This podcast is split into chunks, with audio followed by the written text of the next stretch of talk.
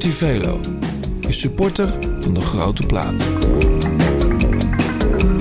Ora, ora che tutto migliora, cosa bonita è ora, e questo ben buon io e te. Heb jij die nu op je nieuwe fiets zitten? Ja, ik, heb, ik heb nu eh, Conti- die Continental GP Waarom doe je die 5000. Victoria's er niet op? Die, eh, die zijn goed hoor.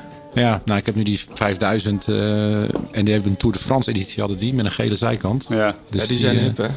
Ja, maar ik heb zo'n hele donkere fiets. Dus Ja. ik vind dat toch super lelijk als er dan ook nog zwarte banden omheen zitten. Maar ik had van die, van die eh Vredesteins en ik heb echt vijf keer gefietst, drie keer lek gereden. En echt op een steentje dat je niet eens... Nee, maar kon dan je moet niet je echt aan die doen. Victoria's rijden. Die eh, Jumbo ook rijdt nu. Ja, Dat zijn echt... eh, die, rijden, die rollen echt heel lekker. toch niet die waar iedereen met zijn kloten ging toen in de Nee. proloog. Nee, nee, nee. Maar was dat een discord? Hey, ik, ik zet hem aan jongens. Ja.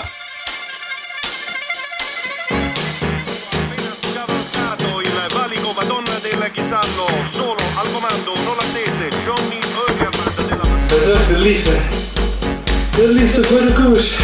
Blijleven trok de sprint aan. Toen kwam John den Braber eroverheen.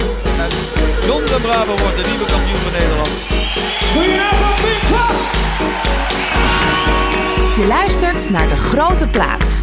Een podcast van oud-wielerprof en muziekjournalist John den Braber... en muzikant, zanger en wielerfanaat Blauwtsoen. Zij nemen samen de meest opmerkelijke gebeurtenissen in het profpeloton door...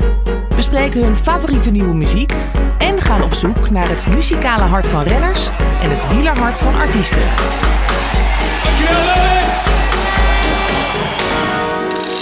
Hij was 12 jaar beroepsrenner. Was maar liefst vier keer, als ik het goed heb, eh, kampioen, Nederlands kampioen tijdrijden.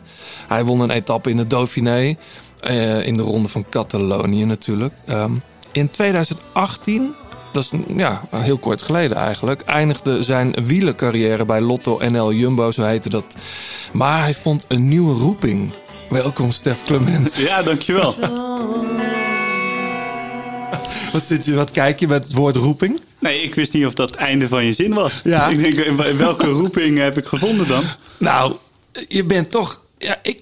Daar had het erover van eh, toen jij eh, net eh, voordat je binnenkwam. Jij bent toch een beetje doorgebroken dit jaar als, als commentator, als co-commentator. Dat was deed je al een tijdje dat werk. Analist, wielenanalist. Ineens is er een nieuw kid on the block. Ja, ja, nou ja, het is niet echt een roeping, denk ik. Het, ik voelde het niet eh borrelen of zo, maar het is inderdaad zo gegroeid eigenlijk. Eh, Een paar jaar geleden, eh, via RTL eigenlijk, ben ik eh, een beetje ermee begonnen.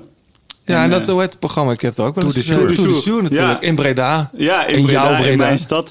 Dus eh, ben je er een beetje ingerold. Ehm, ik had al per ongeluk een keertje co-commentaar gegeven tijdens een, ehm, een tijdrit in de Tour. Toen ik de gast was bij de avondetappe. Ja. Bij, bij de grote Mart Smeets nog. Mart. Ja, mooi hè.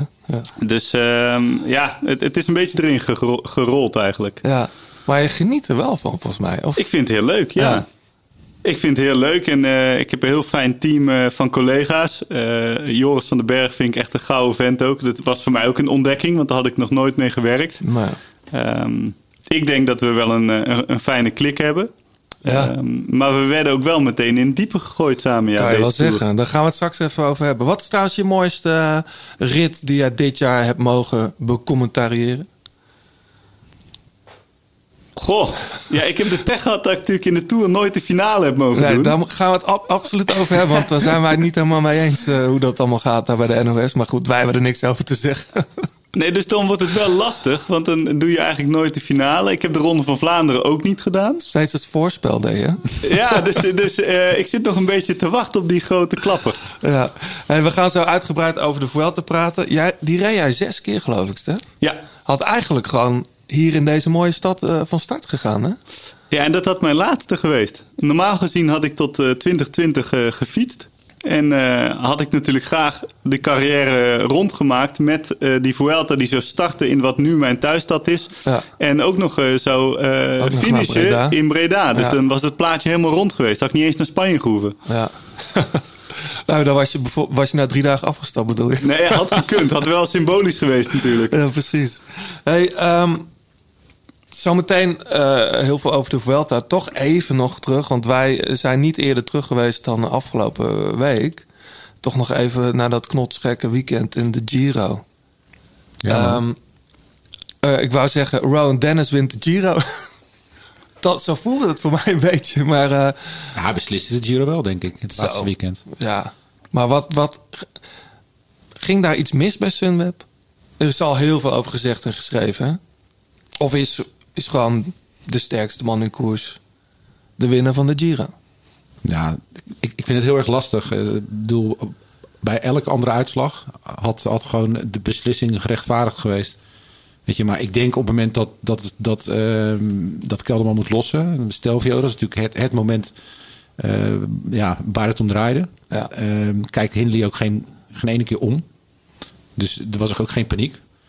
Dus ik denk ook dat, eh, dat, dat op dat moment moet, moet in de ploegleiderswagen gewoon beslissen van ja, wat, wat, wat doen we? Kijk, eh, op het moment dat Hindley wacht en Kelderman gaat er echt helemaal doorheen, Ja. heb je helemaal niks meer. Dus Nee. dit was wel een beetje de wet van de remmende voorsprong. Je hebt iemand op drie staan.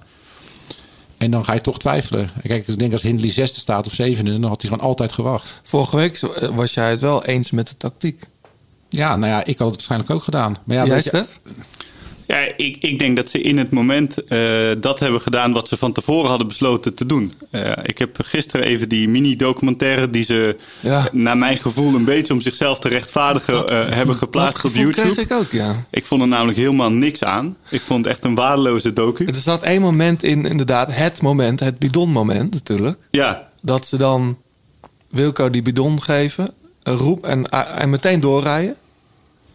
Ja, om later weer terug te komen. Want dat is de belofte Ja. die ze doen. Maar je hoort daar ook wel dat er eh, eigenlijk de avond van tevoren dit scenario is doorgesproken. Eh, Jay, je moet gewoon bij eh Gegenhard blijven. Ja. En eh, Wilco, we gaan zien hoe jij, hoe, waar jij bent en hoe het gaat. En ik denk dat ze ook precies dat hebben gedaan. Je kunt op het moment dat Wilco lost op de Stelvio... wetende dat je dat ding nog omhoog moet... dan naar beneden, stukje vallei en nog een klim... kun je niet Jay Hindley laten wachten... omdat je niet weet of dat Kelderman nog terug kan komen... of Ja. dat hij ze nog gaat herpakken. En dan zet je eigenlijk twee mensen de positie op het spel. Ja. Wat, ik wel, wat ik wel opvallend vond, toch? Ik bedoel, ik ben hartstikke blij voor Kelderman. Maar Kelderman zelf was ook heel blij met de derde plek. Terwijl Jai Hindley, die baalde toch eigenlijk dat hij niet eerst, dat hij niet uiteindelijk het roze pakte in Milaan. Dat vind ik toch wel een soort verschil, een soort mindset of zo. Ja, maar ik zeg met, met, met allergrootste respect, maar Kelderman is gewoon geen winnaar. Weet je, dat is gewoon niet iemand die de tent verbouwt als hij geklopt wordt. Weet je? En, en dat is toch, ja, dat heb je toch nodig om, denk ik hoor. Dat, eh, dat eh, bedoel, hij, hij, hij, hij nam het allemaal ook maar gewoon heel, ja, bijna ge- gemakzuchtig. Van ja, eh, dit is wat het is. Wie weet over twintig jaar nog dat Kelderman derde werd in deze Giro.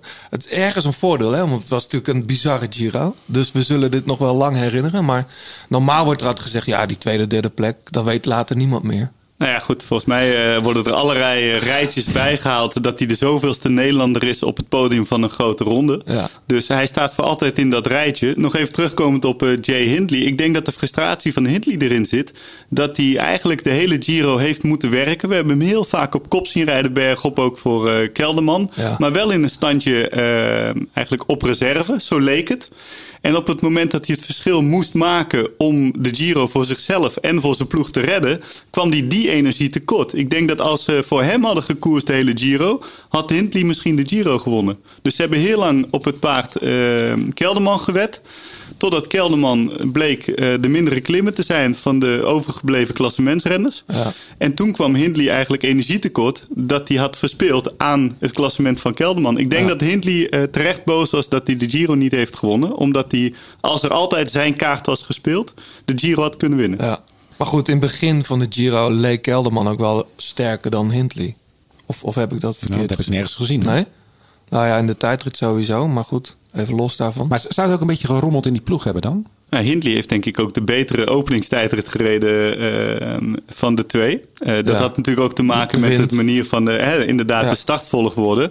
Maar toch, eh, je kunt je ook wel afvragen, moet je er zoveel energie in stoppen om zo'n verschroeiend tempo erop te leggen? Want Kelderman is eigenlijk ook zo'n tempo-klimmer. Hè? Die heeft het liefste dat zijn eigen ploeggenoot het tempo bepaalt, zodat hij de controle houdt. Of moet je echt gaan koersen? En dat is wat uh, Gegenhard natuurlijk heeft gedaan. Eh, dus eh, ik begreep, ik, ik zit niet zo. Ik vind eh, Wilco zeker geen eh, niet-winnaar. Ehm, ik vond het juist heel sterk hoe hij mentaal eigenlijk door die Giro heen ging. Ehm, ik vond juist dat hij daar hele grote groei heeft eh, weggezet. Ik vond het gewoon niet sterk gecoacht dat ze alle ballen op Wilco hebben gespeeld. Ja. Maar goed, dat was niet je vraag. Nee, maar wel interessant. wel interessant. Het was natuurlijk ook de Giro waarin Kruiswijk helaas uitviel met eh, corona en de hele ploeg. Eh, Thomas natuurlijk eh, al heel vroeg eh, op zijn bek ging. Ja, het is sowieso een Giro waar je gewoon echt over, over kunt napraten. Want eh, zo'n Evenepoel, stel je voor dat hij had meegereden met zo'n ploeg om hem heen. Almeida en James Knox, Ja. Masnada. Ja, dat was een sterk blok. Ja. Heel sterk blok. Wat, wat, wat, wat vind jij trouwens van die theorie van, van ehm, eh, onze grote vriend... nou, ben ik zijn naam even kwijt. Raymond Kerkhoff. Raymond jeetje. Van dat, dat Dennis uit een soort van rancune heeft gereden eh, vanuit zijn Rabo-periode.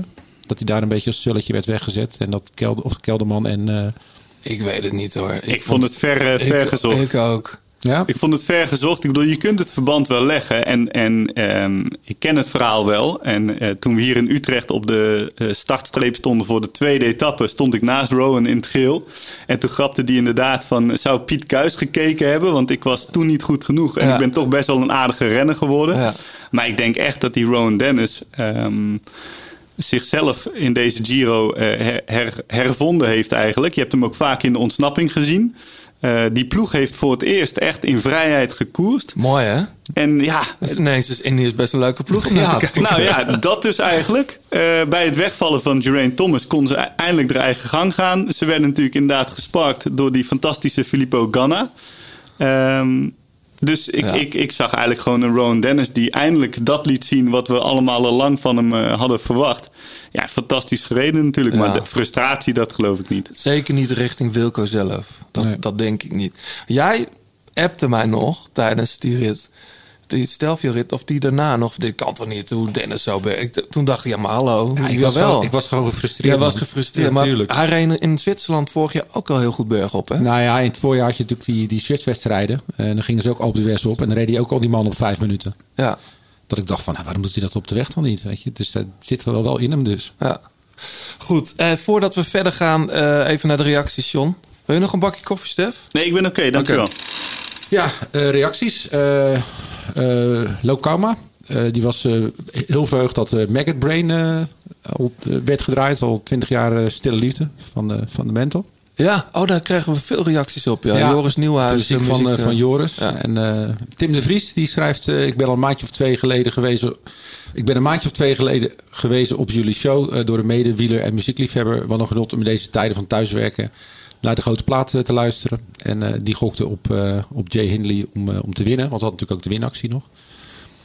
Wilbert Huiskunst, heerlijke podcast weer mannen. Ik heb lekker geluisterd toen ik heel toepasselijk... de slaapkamermuur van mijn dochtertje Giro roze aan het schilderen was. Hartstikke En er mooi. zat zelfs een plaatje bij. Nou, hartstikke mooi. En wie heeft de, de Garmin Edge eh, 1030 gewonnen? Nou, het was natuurlijk niet zo moeilijk om.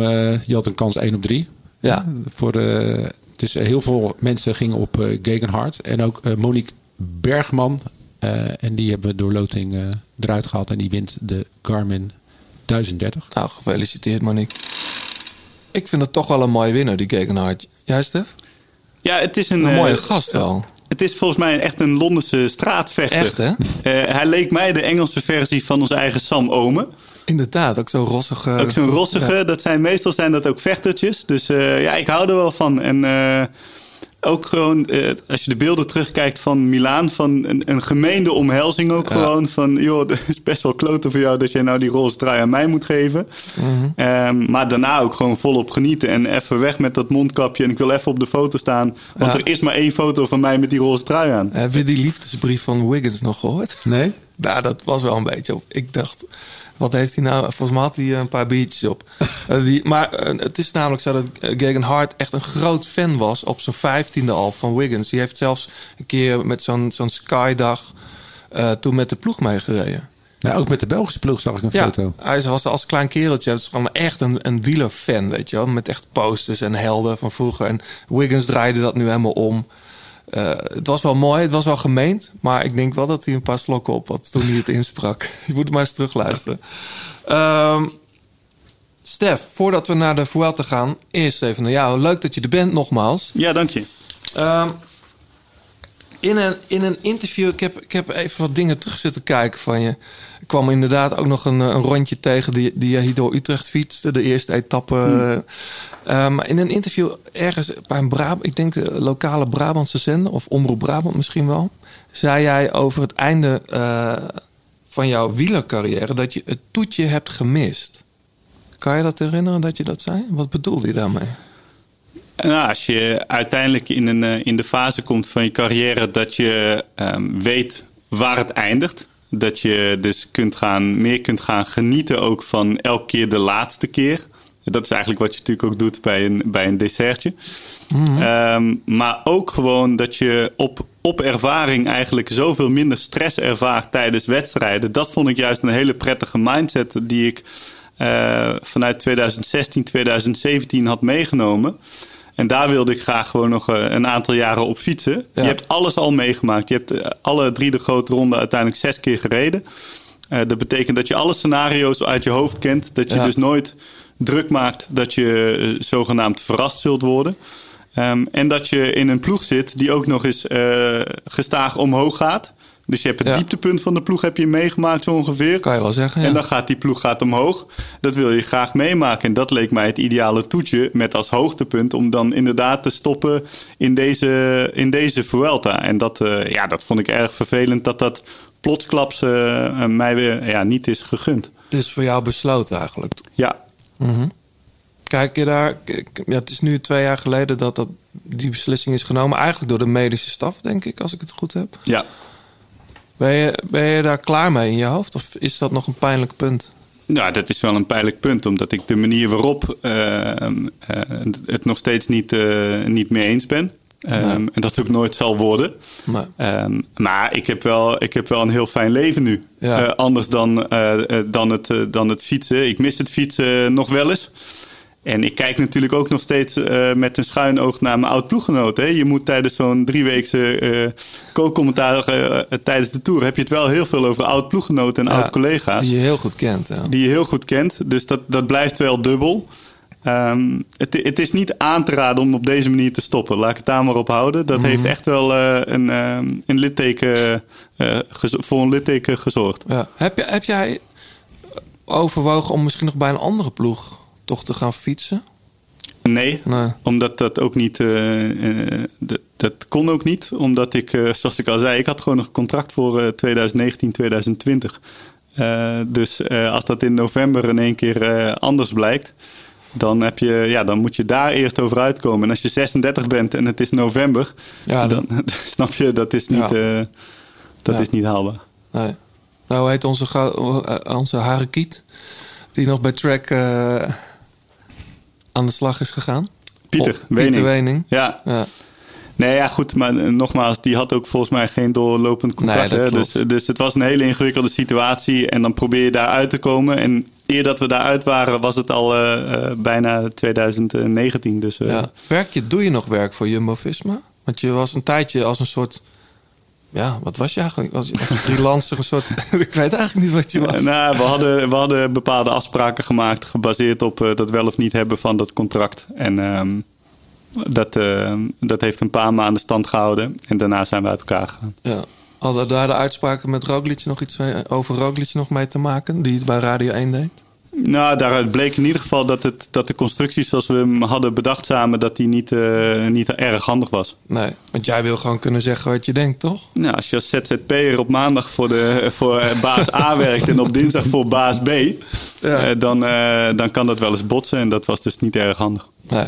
Dat was toch helemaal niet zo'n hele vreemde uitspraak eigenlijk, John? Nee, vond ik ook niet. Nee, Nou, het is wel een beetje wat, wat nu natuurlijk want, ook- hè, want wat, wat eh, je vertelde even voor de mensen die dat, niet, eh, die dat gemist hebben, er zullen er niet veel zijn, maar jij, jij had het over Roglic die, de, die alle wedstrijden waar hij aan de start eh, stond zo'n beetje won. En dat, eh, dat het bij een Nederlandse ploeg is en dat als hij voor een andere ploeg had gereden, dat we daar misschien, eh, misschien eh, wat vraagtekens bij hadden kunnen zetten of gezet zouden hebben. Misschien wat vooroordelen misschien. Ja, maar goed. Dat vond ik helemaal, dat was helemaal geen rare opmerking, denk ik. Ja, weet je, er is, er is zoveel over gezegd. Ehm, en het jammerlijke daaraan is dat er natuurlijk heel veel wordt gezegd door mensen die eh, het perspectief niet eh, kenden. En dat, dat neem ik ze ook niet kwalijk, want eh, dat kan ook niet. Als je inderdaad denkt dat iemand nog onder contract staat fulltime bij een bepaalde werkgever en dan over iemand van diezelfde werkgever een dergelijke uitspraak doet, dan kun je dat ongemakkelijk vinden. Als je het perspectief wel kent, dan kijk je daar weer anders naar. Dus eh, ik heb Ja. dat een beetje laten gebeuren. Ik heb het nooit, eh, nooit eh, bedoeld als een, eh, een verkapte beschuldiging van wat dan ook. Maar Ik heb, ik heb gewoon iets gesteld als, objectieve, als objectieve kijker. En ehm, ja, die objectiviteit die moet je dus kunnen plaatsen in het perspectief. ja, over objectiviteit gesproken, hè? Is het, is het peloton veranderd sinds jij weg bent als actief renner? Dat is natuurlijk twee jaar geleden. Je kijkt er nu, je volgt de koers beroepshalve ook nog eens op de voet.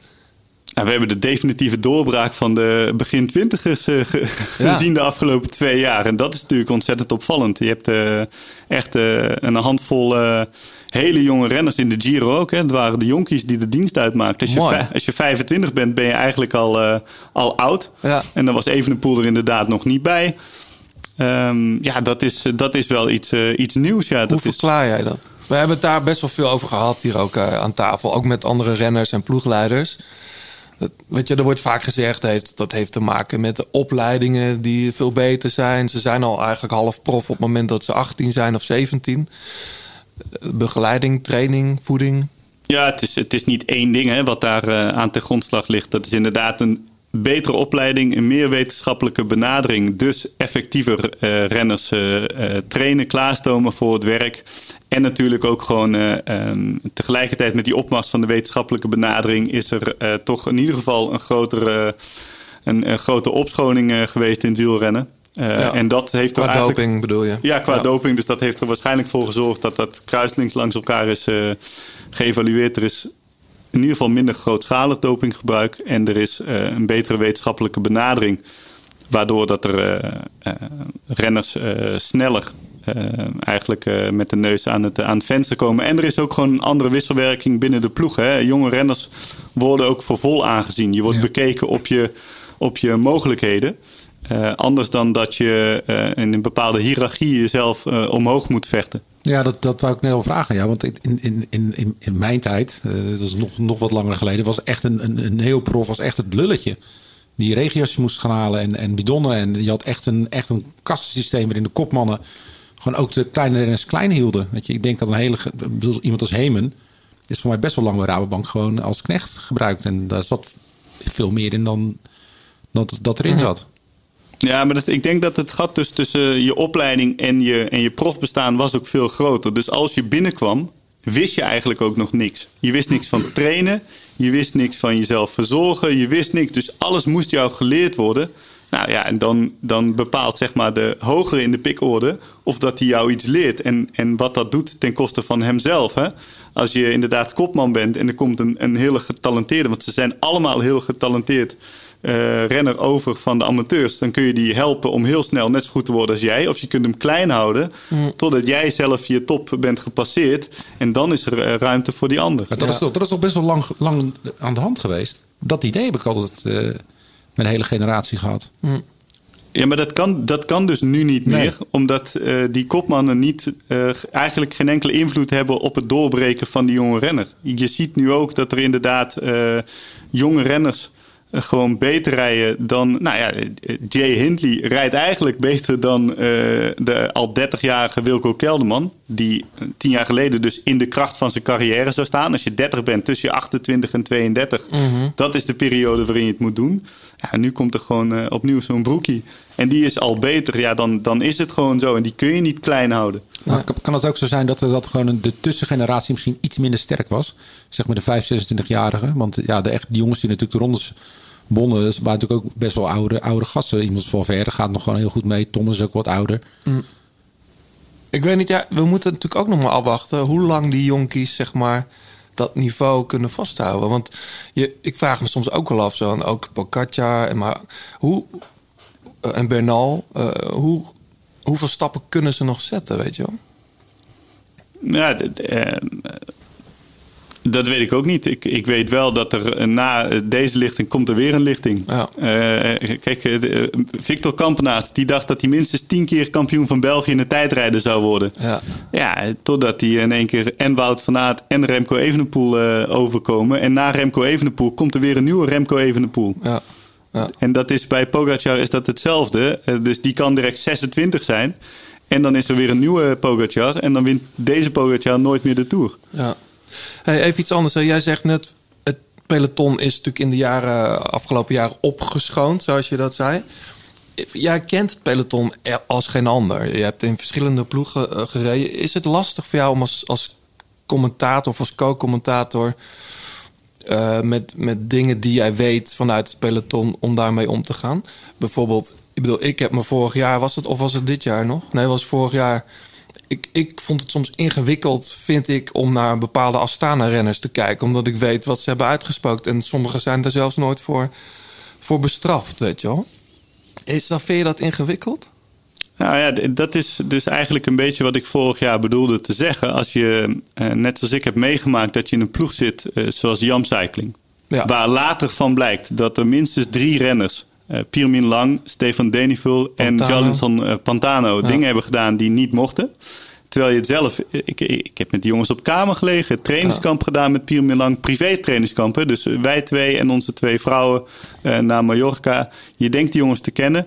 En toch doen ze dingen die jij niet weet. Ja, dan vind ik dus dat je iedereen even kritisch moet bekijken. Ja. En als je het niet kunt benoemen, moet je het ook niet doen. Maar dan moet je dat dus ook niet doen bij een renner, eh, omdat hij bij Astana rijdt. Nee. Je moet gelijke maat trekken. Je moet daarin niet eh, eh, etnisch profileren, heb ik het eigenlijk eh, eh, bedoeld te zeggen. Of dat hij nou bij eh, Ja. Team Sunweb of bij Sky of bij Astana of bij de Emirates rijdt. Of je kijkt er allemaal met dezelfde achterdocht naar. Of Ja. je laat het gebeuren totdat het tegendeel zich bewijst. Ja. Maar goed, je bent ook liefhebber. Ik merk het zelf ook. Als ik koers kijk, wil ik helemaal niet daarmee bezig zijn. Want ik, ik wil van de koers genieten en van het talent van de renners. Maar als ik dan, als je dan geruchten leest, en dat is wel ingewikkeld, hè? Want eh, het is natuurlijk ook een soort van journalistieke code om. En het terecht om, eh, om niet zomaar dingen te gaan roepen. Maar als je dan Lutsenko en Vogelsang eh, vorig jaar zag tekeer gaan. en je weet wat geruchten zijn. Eh, die dan weer niet helemaal worden hard gemaakt. Dan vind ik dat toch wel zo ingewikkeld of zo. Nou ja, sommige dingen die, die je ziet, die, die begrijp je niet. Ehm, en ik vind dat je dat mag zeggen. Ja. Ik, eh, ik denk aan bijvoorbeeld ehm, hoe Vroom ehm, twee jaar geleden wegreed in de Giro. Dat is ongelooflijk. Dat is ongelooflijk en onbegrijpelijk. Eh, Punt. Ja. Ik vind wel dat je mag benoemen dat dat onbegrijpelijk is. En dat kun je inderdaad wegzetten tegen de hele geschiedenis van het fietsen. Nou, dat, dat zou ik dus niet doen. Want Mhm. Nee. dan, eh, dat kun je ook niet... Op geen enkele manier kun je dat hard maken. Nee. Ehm, de tijdrit, dat is het moeilijk, de- inderdaad, De tijdrit die we dit jaar in de Tour hebben gezien... vond ik ook onbegrijpelijk. Ja. Eh, aan twee kanten.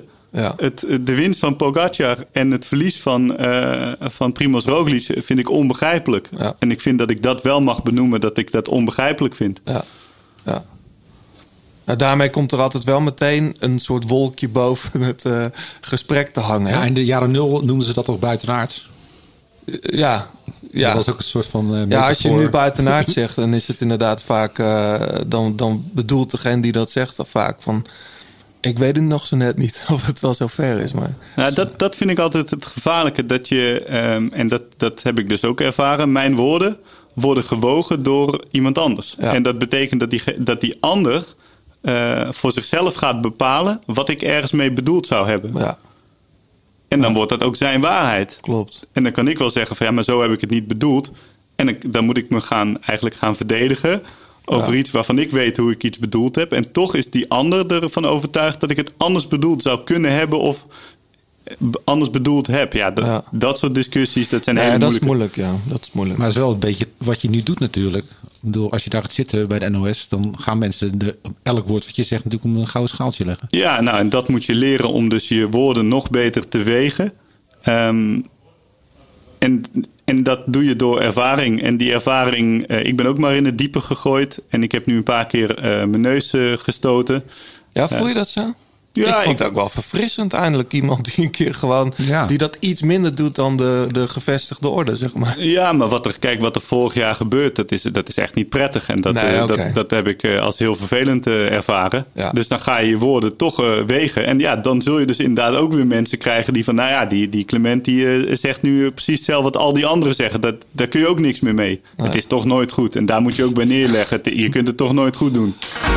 Je luistert nog steeds naar De Grote Plaat. Heb je tips of heb je een vraag? Laat het dan weten via Twitter, het Grote Plaat of Instagram.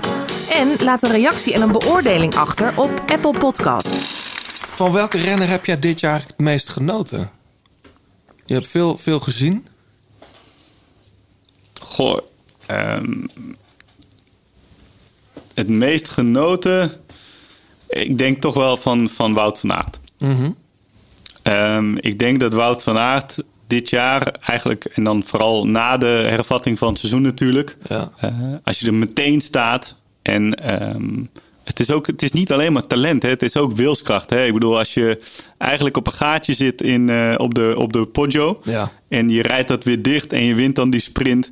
Eh, hij wint sprints in de Tour eigenlijk door zichzelf te positioneren. Eh, of hij laat zich positioneren door het eh, sprinttreintje van Sunweb. Het is Ja. echt ook wel een vechter. En ehm, hij combineert dat, dat, die overdosis, de duidelijke overdosis talent, combineert hij toch ook met een vechtlust. Dat vond ik heel erg mooi. En je dan op andere dagen zo inzetten voor je, voor je ploeg. Dus eh, als ik naar het hele plaatje moet kijken, dan is Wout van Aert voor mij de mooiste renner. Beetje de renner van het jaar. Dat heb ik Ja. denk ik ook wel eigenlijk, ja. Het is dan wel... Ik vind het dan wel mooi dat hij dan toch nog geklopt wordt door Mathieu in de ronde.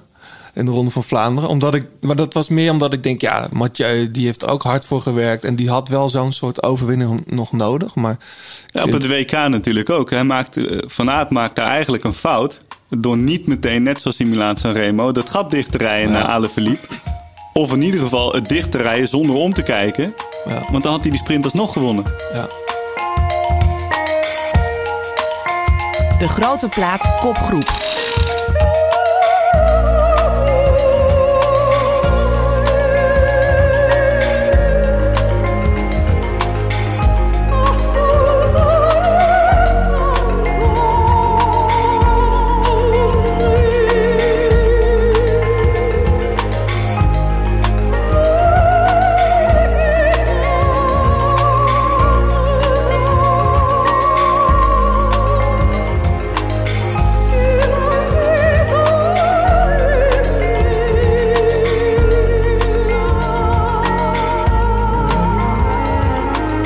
John, dat heb jij meegenomen. Ik vind Ja. het wel een verrassende keus voor jou. Ja, dit is een, eh, een beetje Leo Blokhuis-achtig eh, verhaal over... eh, Leo Blokhuis achter verhaal, wat bedoel je? die komt toch altijd in die hele mooie verhalen. Oh, de, professor, achter- de muziekprofessor. De muziekprofessor. Nee, dit is Beverly Glenn Copeland. En die naam zegt jou waarschijnlijk helemaal niets. Dat is een, een man die eh, 77 jaar geleden geboren werd... in een zwaar gelovig Amerikaans gezin als vrouw. Als Beverly. Oké. Die is later eh, die werd naar doktoren gestuurd om... eh, omdat dat, zij op vrouwen viel. om, om beter te laten worden. Dus naar Canada Oh, ze moest genezen worden moest van, genezen worden van, van de homoseksualiteit. Oh god. Ehm, is naar Canada gegaan, is muziek gaan maken. In de jaren 70 eh, een beetje ja, jazz combineren met folk.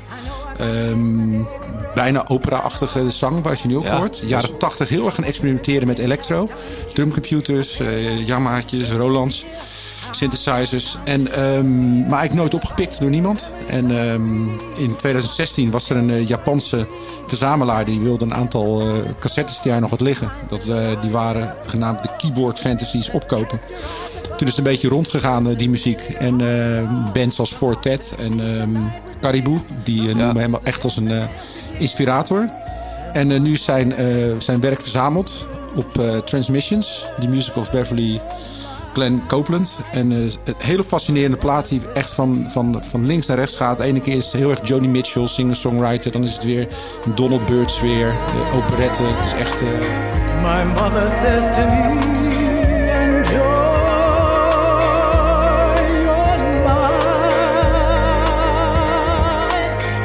My mother says to me, enjoy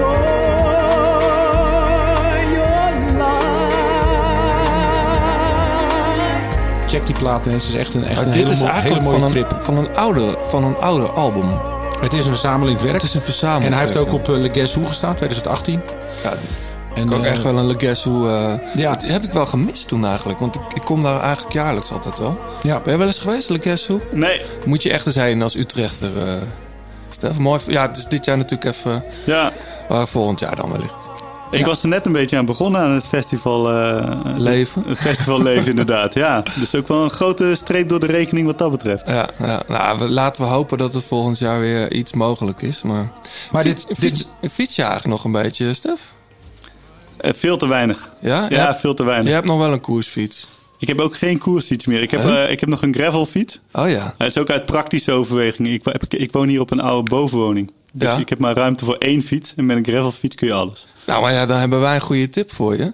Wij, wij, wij- wij mogen onze gasten altijd een, eh, een Artivelo Bike Dog weggeven. Dat is een super hip eh, fietsophangsysteem. Voor dat soort woningen bijvoorbeeld. Kijk. Daar hang je hem gewoon eh, prachtig aan op. Dan moet je maar even checken eh, voor de luisteraars die dat nog niet hebben gecheckt. Artivelo.com.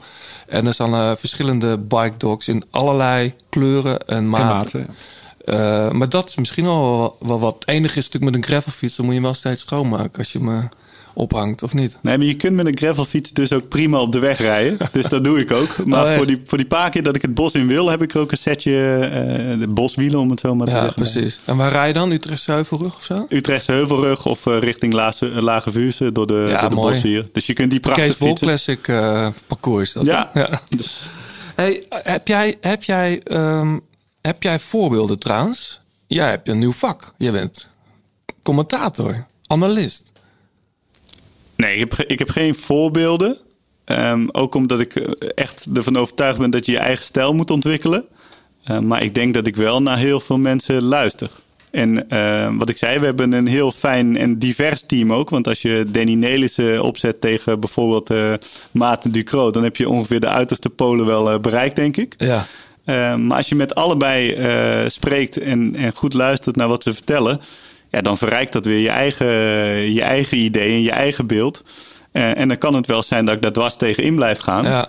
Maar dat betekent niet dat ik het niet heb meegewogen. Nee, wat ik, wat ik altijd wel grappig vind, je hebt altijd van die eindejaarslijstjes. Hè? En dan worden dan eh, online ook wel eens, wordt er dan, wie, wie is de beste eh, wieleranalist of wielercommentator of co-commentator? Terwijl ik altijd denk, kun je dat wel helemaal los van elkaar trekken? Het, het zijn vaak duo's. Dus je moet bijna het duo beoordelen. En dat is nog wel een ding, een duo beoordelen. En toen kwam jij dit jaar natuurlijk, het was een vreemde tour, maar het was ook bij de NOS ging Herbert Dijkstra, die er normaal met Ducro zit, die heeft rugproblemen, dus die kon niet zeg maar urenlang in zo'n stoel zitten.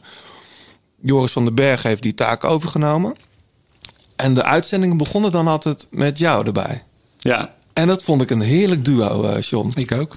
Ehm, eh, verfrissend en, en, en te gek. Ik vond het echt een, eh, lekker om naar te luisteren. Ik leerde er ook van. Ik keek, ging op, weer op, een, op nieuwe manieren naar het peloton kijken. Ehm, maar dan moest je halverwege moest je weg. Eh, Ik vond dat helemaal... Dat, ja, eerlijk gezegd, dan zapte ik weer naar sportzaal. Ja, ik ook, ja. Ehm, hoe, gaan we dat, hoe gaan we dat anders doen volgend jaar? ja en wa- waarom gebeurde het eigenlijk? Oh, het, gebeurde eigenlijk omdat eh, eigenlijk de, de planning was dat Maarten het gewoon eh, zou doen met, eh, met Herbert. En dat dat pas een paar weken ervoor om, om moest. Ehm, en dat daar dus ruimte ontstond. Ook door het, door het besluit dat we het vanuit Hilversum zouden doen, ontstond er in één keer ruimte om te wisselen. Ja, want Eh, jullie zaten niet, eh, voor de mensen die dat niet weten, de meeste commentatoren zaten tijdens de tour gewoon in, in de stad waar je uitzendt. Dus in dit geval Hilversum. En de Belgen zaten in Brussel. Ja, dus als je in Frankrijk was geweest, dat hebben we vorig jaar natuurlijk ook een paar keer gedaan. Dan was het eh, soms mogelijk voor mij om eens een uurtje aan te schuiven. Dat heeft ook met het he- hele logistieke verhaal te maken. Ik was eigenlijk onderdeel van het team van Dione, van de avondetappe. En als ik een uurtje vrij had, eh, creëerde het wat ruimte voor Maarten om zich eh, anders voor te bereiden. En dan ging ik een uurtje bij Herbert zitten. En nu was er andere ruimte en een andere, andere mogelijkheid. En die hebben we, die hebben we gebruikt. ehm, zodat Maarten dus meer tijd heeft om zich voor te bereiden. Ehm, om mij ook eh, draaiuren, vlieguren te laten maken. Om het ook te leren. Want je moet het echt wel leren. Het, het gaat over stemgebruik, het gaat over doseren. Eh, het gaat over de wisselwerking inderdaad in het duo. Dus het was eigenlijk ook om mij het eh, te laten leren. En ehm, ehm, hier, zullen we op, eh, hier zullen we op doorpakken. Ja. En dit was gewoon... Ik ben was- benieuwd waar dit eh waar Ja, Wat, wat, wat vond je wat dat er gaat het, het lastigste? Het, het doseren is lastig, want er gebeurt heel veel en je ziet heel veel. Ehm, maar je moet je altijd beseffen dat je behang bent. Dat is de, de beste uitspraak van Joris van de afgelopen maanden geweest Nou, naar mij. behang. Je bent eigenlijk ben je behang. Het, je, je bent er, maar je moet ook niet te veel opvallen. Mensen thuis die willen zelf kijken en die willen eigenlijk onbewust informatie ontvangen van jou en van, eh, van de host. Ehm, en ze moeten zich. eh, Je, je kent dat behang waar je op een gegeven moment aan gaat irriteren. Ja. Wat gewoon te druk is. Ja, in dat- Amerikaanse hotels heb je dat nog wel eens. Nou, exact. En dat moet je dus net niet hebben. Nee. Dat het te veel op je afkomt. En dan kun je met de beste bedoelingen van alles willen benoemen en van alles eh, zien. Ehm, en toch is het beter om het eh, gewoon even te laten. En dat moet ik, eh, daar moet ik nog wel aan werken. Maar het lijkt me voor jou ook wel lastig, omdat jij natuurlijk een, zelf een oud prof bent. Eh, ben jij een commentator voor mij of ben je een commentator voor Tante Jannie uit Ermelo? Daar moet je ook een balans in zien te vinden natuurlijk. Want dat, dat, dat gevoel heb ik al bij commentatoren. Dat, dat- Ja. Maar ik, vond, ik vind dat juist zo fijn aan, aan Stef. Dat die, dat die mij als, eh, als, als een beetje wielerkenner ook bedient, zeg maar. En omdat ik heel vaak het gevoel heb dat ehm, bij, bij sommige zenders wordt steeds het spelletje van het wielrennen uitgelegd. Terwijl ik denk, je hoeft toch ook niet steeds bij elke voetbalwedstrijd te vertellen hoe, hoe de regels zijn en hoe het werkt. Vertel gewoon, geef me gewoon een soort insight die ik, die ik zelf als, als leek of als, als bankzitter niet heb. In plaats van constant maar te vertellen, ja, je hebt dan een, een kopgroep en een, en, een, en een knecht. Dan denk ik, ja, maar we weten toch het spelletje werkt. Eh, Voeg je er iets aan toe? Dat Nee. doe jij. Vind, dat vind ik dat jij dat mooi doet, Stef. Dank je. Je hebt alleen ook daarin heb je, heb je het, de Tour is heel anders dan alle andere wielerwedstrijden die we uitzenden. En mensen die naar Luik Bastenaken Luik kijken of de Ronde van Vlaanderen, eh, dat zijn over het algemeen echt de, de liefhebbers. Die gaan daarvoor zitten en dat zijn ook mensen met een bepaalde eh, basiskennis van wielrennen. En sommigen die, die, die weten eh, wellicht meer dan ik. Ehm, maar de Tour de France hoort voor heel veel mensen, zeker de NOS-kijkers, wat ook weer een ander publiek is dan bijvoorbeeld de Eurosport-kijker, hoort gewoon bij juli, bij de maand juli. Ja, dan, dan staat de. Tour de France ergens eh, op de achtergrond staat op en je loopt naar binnen en dan doe je wat binnen en dan hoor je Tour de France en dan hoor je of dat het spannend is. En als het niet spannend is, ga je gewoon weer wat anders doen. Eh, Nou begrijp ik de, de, de term behang ook wel, ja. ja, dus, dus zeker tijdens de Tour de France ben je eh, bij de NOS ook vooral voor mensen ben je achtergrond. Ehm, en er is ook een heel groot deel van het publiek eh, wat naar de NOS kijkt. ehm, wat kijkt voor de informatie over kastelen. Joris heeft de eerste week geen kasteel benoemd. Ja, toen zijn er wat klachten binnengekomen. En Nou, toen is maar hij na de, na de rustdag is hij toch maar weer eens begonnen met dat kastelen. Nee, maar daar hou ik ook van. Dat vind ik ook in de Giro en de Vuelta leuk. Als ik weet, oh ja, daar, dat is dat wijngebied of zo. Dat, dat, dat hoort ook wel een beetje bij een grote ronde. Ja. Ja, ik, ik heb heel lang het idee gehad dat de NOS dacht, en dan ga ik echt voor hun, hun denken. eh, de, de echte wielerkenners die, gaan, die kijken toch Sportza. Dus, dus wij hebben met Herbert en Ma- Maarten meer zeg maar de mensen die de, ja, de leken aanspreken. En die vertellen dat ze vroeger eh, met een biefstuk in de broek reden. Dat soort verhalen. ik weet het Dat is gewoon mijn theorietje hoor. Ja. Nou, ja, ik, dat weet ik niet. Dat weet jij denk ik ook niet. Nee, nee, nee. Ik ga ook zeker niet op de stoel zitten van wat ze bij de NOS Nee, denken. dat kan ook niet. Ik denk dat je gewoon rekening moet houden. Ik denk dat ze dat heel goed doen. Eh, en dat je daarin ook eh, zelf gestuurd moet worden. Dat je eh, bij verschillende wedstrijden met een verschillend publiek te maken hebt. Ja. Nou, maar het- naar wie luister jij graag, John? Nou, het valt me gewoon op. dat Bijvoorbeeld Maarten, die, die, die, die praat heel erg naar, naar wat ik al zei. Maarten Ducro. Maarten Ducro, Ja. naar Tante Sjaan uit, uit, uit, uit, eh, uit Diemen. Terwijl als je met Maarten zelf praat, Mhm. dan, heeft hij echt een, dan is hij heel gedetailleerd, kan hij over wielrennen praten. En als hij comment- commentator is, ja, dan is hij gewoon best wel in algemeenheden. Dus ik, ja, ik had gewoon het idee dat... eh, dat ik, ik denk wel dat Stef de echte wielerliefhebber wat meer terug naar de NOS trekt. Tenminste, mij in ieder geval wel. Ik denk dat Ja. ja. het is, ja, Wie vind jij verder eigenlijk prettig om naar te luisteren? ja, José de Kouwer. Ja. Niet zozeer qua stemgeluid, maar gewoon ook de, de humor die hij heeft. Want dat mag er ook af en toe wel in zitten. Ja. En eh, de, Maar gewoon, maar, gewoon kleine dingen. Dat, Maar José in combinatie met Michel Wuits is een andere José dan bijvoorbeeld als hij naast Renaat zit, valt me op. ja, ja maar ik grappig. vind op een gegeven moment was het een afdaling. Ik denk, het zal Nibali wel zijn geweest. En die ging loeihard en dat hij zei van, het zal je kind maar wezen. Oh ja, Dat soort kleine dingetjes vind ik echt schitterend. Ja. je, dat, daar is José echt wel een koning in. ja. En, en, en Karsten Kran? Ja, Wat? ja heerlijk natuurlijk om Ja. naar te luisteren. Vooral als je van dieren houdt. Ja, Nee, maar ik vind Karsten ook wel goede, die zegt goede dingen. En, eh en ze fijn ze af en toe een beetje nou ja, maar Wat, tussen wat, Jeroen van Bellegem en Karsten, dat, daar, dat, weet je, dat dat niet botert. Maar dat botert natuurlijk supergoed tussen die jongens. nou, pas zei hij dat hij, dat, hij, dat, dat hij mainstream was. Want hij vond Coldplay tof. En daar is hij ook zes uitzendingen eh, op teruggekomen. Oh, Karsten op, op Jeroen. Ja, nou goed. Dat vond hij niet zo leuk, Ja. geloof ik. Maar eh, Ja. Weet je wie ik ook een prettige eh, co-commentator vind? Sven Nijs. Die doet heel af en toe, doet die, eh, mag die, mag die een klassieker of een se- semi-klassieker meedoen. eh. En die heeft toch altijd mooie inzichten, vind ik wel. ja. ja, maar het lijkt me vooral, wat ik net al zei, voor, voor Stef en Sven en, en Karsten heel moeilijk om, om de afweging te maken van wat is te insight voor, voor het publiek. Hè? Want eh, je gaat natuurlijk gauw over details praten als je natuurlijk eh, die jou opvallen. En die een ander misschien helemaal meer, veel minder interesseren of helemaal niet opvallen. Ja. Dus ik vind het wel knap, want dat doet eh, zowel, zowel Stef als Karsten als, eh, als Sven doen dat helemaal niet. Nee.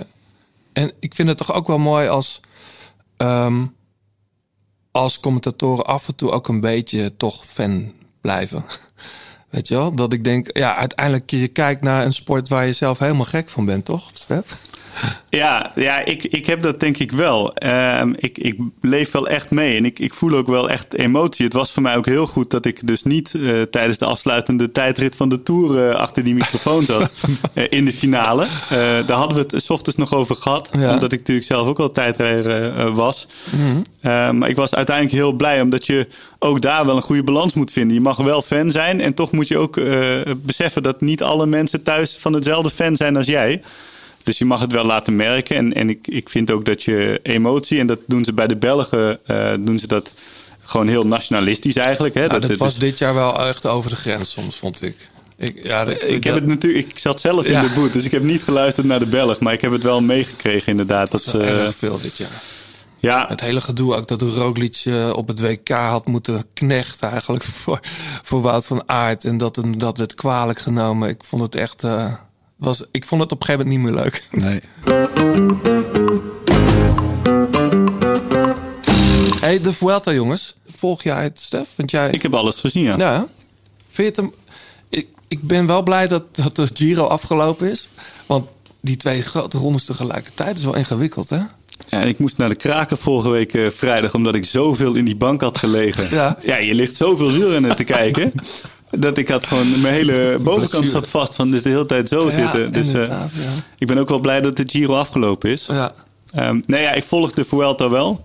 Ehm, we hebben afgelopen weekend hebben wij een verslag gedaan van de Vuelta. Wat ook een totale mindfuck was natuurlijk. Want je zit met je gedachten bij Wilco Kelderman in de Giro. Ja. Je kijkt met een schuine oog op een laptop. Kijk je ook gewoon Giro. Terwijl je Vuelta verslag Ja, moet doen. ja. Dus, ehm, ehm, maar ik vind het wel, het is wel een boeiende wedstrijd. Zo. Hey, eh, die jonge Nederlanders, we hebben het een paar keer over gehad. Die hebben zich al behoorlijk laten zien. Tijmen Arendsman zat al twee keer mee in de kopgroep. Ik begreep alleen die demarage niet. Eh, Tim Wellens, die rit die, die Tim won. Hij, hij, verrast dan iedereen door weg te springen. En vervolgens komt er nog een muur van wat ik veel hoeveel procent. Nou, omdat wel eens gelijk reageert. Maar het was wel het goede moment om te gaan Ja? natuurlijk. Het leek net alsof hij niet wist dat er nog een, een buist lag of zo. Ja, dat zal toch wel. Ja, Ja, dat, dat hoop je. maar als jij net gedemereerd bent, dan geef je natuurlijk alles in die demarage. Dus dan eh, zit er niet zo heel Nee, veel dat meer is waar, ja. Maar wel te gek om, eh, om die jongens van voren te zien. Eh gisteren of eergisteren Ide Schelling. Ja, en zelfde kopgroep als uh. Ja. Die werd nog achtste. Maakte nog een grap over dat hij eigenlijk veel beter had gekund. Maar eh, allemaal jong, leuk om die jonge gasten te zien. Kevin Inkelaar, we hebben het natuurlijk al, eh, al uitgebreid over gehad. Maar wel fijn omdat die jongens ook gewoon... dat bevestigt ook een beetje jouw theorie, Stef. Dat die jonge gasten mogen gewoon lekker hun ding doen. Ja, nou, ik, ik heb daarna zitten kijken. Ik heb ook bijvoorbeeld naar Lennart Hofstede gekeken. Mhm. Die fantastische uh, Vuelta rijdt tot nu toe. Echt berensterk. Ja. Uh, dus ook voor de jongens is het ook een zegen dat die Vuelta doorgaat. Hè? Ja, man. Want dat bedoelde ik dus. We hebben heel veel dezelfde renners gezien. Eigenlijk de toppers. Terwijl zo'n Lennart Hofstede hebben we eigenlijk nog niet op beeld gezien. Als je ziet hoe sterk die deze Vuelta rijdt. Dat, uh, ja, dat vind ik echt heel mooi. Hey, Carapaz die pakt het rood hè, in die eh, echt die bizarre zware bergrit met heel heftig weer. Ik zei nog tegen jou, John, als, als, als dit zeg maar het weer, de weersvoorspellingen blijven, dan finishen er denk ik 20 man in Madrid. Jij, jij, jij keek trouwens terug, hè? Eh, ja, ik kijk vaak. Dat het komt omdat het Giro ook was. Ja, maar... eh, Ja, Jan, app jij mij? Oh, wat? Oh, heb je gezien wat er in de veld is? Ik zeg, wacht even. Ik, ik kijk het liefst... Ik ben natuurlijk ook, net als iedereen, op een gegeven moment drie, twee schermen gaan kijken. Maar Maar kun, kun, kun, je- ik kun kan dat, daar niet meer genieten. maar kun je dat opbrengen dan? Dat je echt 50 kilometer voor de streep het aanzet? Ga je Ja, niet man, zitten nee. spoelen? Nee, ga niet zitten spoelen. Nee, nee, nee. Nee, ik vind het wel lekker. Ik merk gewoon dat ik, dat ik de rust nodig heb om naar één koers te kijken. Dus Ja. dat vind ik wel mooi. Maar ik vond die... eh, Ja, ik vond wel eh, een fantastische rit natuurlijk. Roglic die zet het een soort van recht gisteren door weer te, te, te winnen. Maar wel een mooie strijd tussen die twee jongens. Ik vond het eigenlijk onbegrijpelijk dat ze eh Koes en Bennett hebben laten wachten. Toen Roglic blijkbaar aan het sukkelen was, want het was buiten beeld. Met Ja. een regenjasje. Ja, Dan moet je inderdaad een aantal jongens bij hem laten wachten. Maar ze hadden nog Geesing en ze hadden nog eh, Dumoulin. Dat moet genoeg power zijn om een gaatje eh, recht te zetten. Eh, maar ze lieten ook Koes wachten, die daardoor die dag 10 minuten eh, kwijtspeelt. Zonde. Waardoor ze dus de, eh, de positie zoals ze hem hadden, met twee man echt op pole position voor, die, voor dat klassement, die hebben ze daar verspeeld. En Ja. dat vond ik erg jammer. En dat. Roglic gisteren inderdaad de tijd terugpakte, eh, dat maakt het, de strijd wel interessanter. Maar die stond er eigenlijk al, dat hoeft hij niet eens te doen bijna, met die tijdrit die nog komt. Dus hij moet ook weer uitkijken dat hij daar weer niet te veel energie in gaat stoppen. maar ik vond het wel mooi dat, dat er gisteren ook gedurfd werd. Carapaz wat aan, Roglic gaat er weer over. De- het blijft, het is wel mooi om te zien hoor. Het is niet dat dat berekende wat je toch veel, veel gezien hebt in andere rittenkoersen. Ja, omdat het nu niet echt een eh, dominante ploeg is. Nou, de ploeg die gisteren dominant probeerde te zijn, die werd even op zijn lu- op maar zijn rug dat is toch wat triest wat Mobistar doet. Dat, Ja, achteraf, achteraf is het niet verstandig. Ik vind het niet triest. Ik vind het wel getuigen van lef. Ehm, maar die mas is wat mij betreft, en dat hebben we in de Tour eigenlijk ook gezien... eh, die, ja, die is eigenlijk daar niet voor gemaakt, zeg maar, voor dat soort acties. maar, Dat kon je vroeger met Valverde kon je dat doen. En die Soler, dat is ook zo'n vechtertje. Ja. Maar juist die man voor wie ze het doen, die Mas, dat vind ik, dat, dat- die heeft ook zo'n beetje zo'n huilgezicht. Die, die, ja, die wil dan wel iets. En dan wordt hij gisteren op zijn rug gelegd. En als je dat nou nog een paar keer doet, dan word je het lachertje van het peloton natuurlijk. ja, en, dan, en dan gaat verder zeggen... dan ga ik wel gewoon weer voor mijn eigen kansen rijden. Ja, Wat hij al deed. Ja, maar die rijdt ook de ene dag keihard en de andere dag kan die met de beste Ik vond het wel leuk mee. om voor verder weer een klein beetje zo, zo te zien koersen. Maar die, die, die rit had hij wel moeten winnen hoor. Waar die, waar die nu uiteindelijk derde wordt. Ja. Dan was hij echt verder de sterkste. ja. Hey, waar ik ook van geniet, jongens. eh Woutje Poels. Die is goed hoor. de comeback van Woutje Poels, ja. Ja, mooi toch? Ja, dit is zeker mooi. Hij, eh, en dan moet het mooiste nog komen, want eh, volgende week is zijn berg. Zondag. Zondag, hè? Ja, Angliru. Ja. Eh, jij hebt hem ook wel eens gereden, de Angliru. ja, dat is... Dat, is, dat, is, Dat eh, was dat jaar dat hij tweede werd, denk ik. Nee, nee, nee, dat is al veel langer geleden. Dat is 2011 geweest. Ik heb hem in 2017 gereden. In mijn laatste, laatste grote ronde. Was de zaterdagetappe waar Contador won. Ja, Waar hij zijn eigen afscheid, eh, wat mij betreft, het is het mooiste wat ik heb gezien eigenlijk tijdens mijn carrière. Eh, ik was sowieso fan van Alberto, van zijn manier van rijden. En ja als je toen dan werd Wout tweede in die rit. werd Wout toen ook tweede? Ja. Is hij daar twee keer tweede geweest dan? Ja. Ah, oké. Eén keer tweede achter eh, de legendarische Kobo. Oké, ik dacht dat je daarop doelde. Ik wist niet meer dat hij daar ja, tweede is toen was hij beter dan Froome. Ja, toen bleef hij bij En Froome, toen ja. moest hij bij Froome wachten. En Contador reed toen weg. En, en, Wout, en uiteindelijk hij had Contador maar een gaatje van 17 seconden. En jij werd... Ik zoek het even op. Ja, echt heel slecht. Ik was de dag Ja? ervoor was ik over het achterwiel van Bert-Jan Lindeman heen gegaan. Ik eh, ben met Koen de Kort denk ik gefinished. Eh, je werd... eh, nou, valt nog mee. Op 20 minuten 95ste. Samen met eh Boaro, Losada, Boegman. Dan een klein groepje. Nee, ja. Nee, ik was, nou ja, goed. Ja, maar dat zegt, Kort zat daar eh, vlak achter inderdaad. Ja. het zegt natuurlijk alles dat ik helemaal niet weet dat Wout daar tweede is geworden. Alles was wat mij betreft die dag was Alberto Contador. Ja. ja.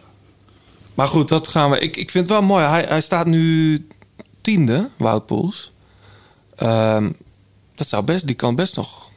Hij staat heel krap achter de nummer 6. Hè? Echt maar een handjevol seconden achter de nummer 6. Die staan allemaal heel dicht bij elkaar. Je hebt Ja. eigenlijk vijf man die er vooruit eh, steken in de Vuelta. En dan heb je een groepje waar Wout eh toe hoort. Ja.